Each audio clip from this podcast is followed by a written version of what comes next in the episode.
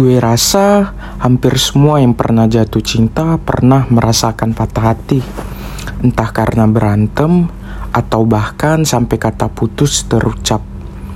Tapi kalau itu adalah patah hati pertama kali, maka rasanya sakit. Terlalu susah untuk dijelaskan.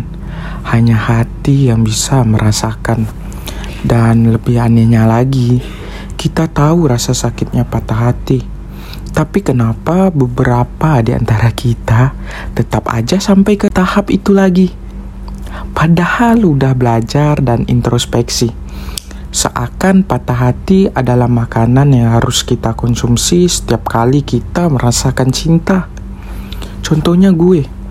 Gue takut buat bicara sama orang yang gue suka jadi kalau papasan, apa yang ingin gue omongin gak pernah tersampaikan dengan jelas. Malah bikin gebetan ilfil sejadi-jadinya. Kalau ditanya gue nyoba buat ngelewatin rasa takut, ya kuliah. Gue nyoba deketin beberapa cewek yang bikin gue tertarik.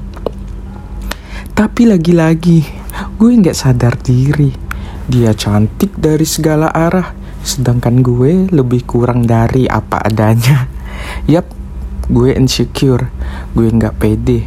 Padahal awal mau deketin, pedenya melambung tinggi. Sekali pas udah dijalanin, eh malah ragu sendiri. Anehnya, kalau sama temen cewek biasa, gue cepet akrab. Bahkan gue bisa lama ngobrol. Tapi kalau sama yang disuka, kayaknya ada dinding batasan yang bikin gue tertahan pada tembok. Tapi ada satu orang cewek waktu gue kuliah, orang yang tahu kegrogian gue, tapi dia nyoba buat gue nggak grogi di depannya. Cewek ini juga bikin gue tertarik, gue sempat pengen deketin, tapi gue nyadar modal apa gue buat bisa milikin dia. Dia cantik, enak dipandang. Dan nih orang bikin gue nyambung aja gitu waktu ngobrol. Tapi emang nih cewek gampang akrab sama cowok. Soalnya orangnya asik. Gue pernah bicara ini cewek sama teman kontrakan. Dan respon teman gue saat itu bilang bukannya dia lagi deket sama ini ya? Dan gue cuma ngangguk-ngangguk paham aja. Tak kenapa berjalannya waktu gue akhirnya mencoba biasa aja sama nih cewek karena sering papasan, karena sering ngobrol singkat. Beberapa bulan setelah lulus, gue akhirnya sadar perasaan gue waktu itu bukan hilang, tapi perasaan gue takut. Takut dengan segala konsekuensinya. Takut kalau ditolak, takut kalau diterima nggak sesuai dengan ekspektasinya. Dan gue nggak seberapa ini nggak mungkin bisa jalan malmingan sama bidadari kayak dia. Cielah Beneran batuk deh. Beberapa bulan lagi setelahnya gue lihat story dia di IG apa WA ya. Uh, Lupa deh. Tiba-tiba kok kangen. Padahal bukan siapa-siapa hanya Gue putuskan buat pergi lagi ke tempat rantauan gue setelah wisuda. Yang notaben dia orang sana. Alasan gue waktu itu mau pamitan sama bapak kos Padahal ingin ketemu dia. Sialnya, kerugian gue menyelimuti kembali.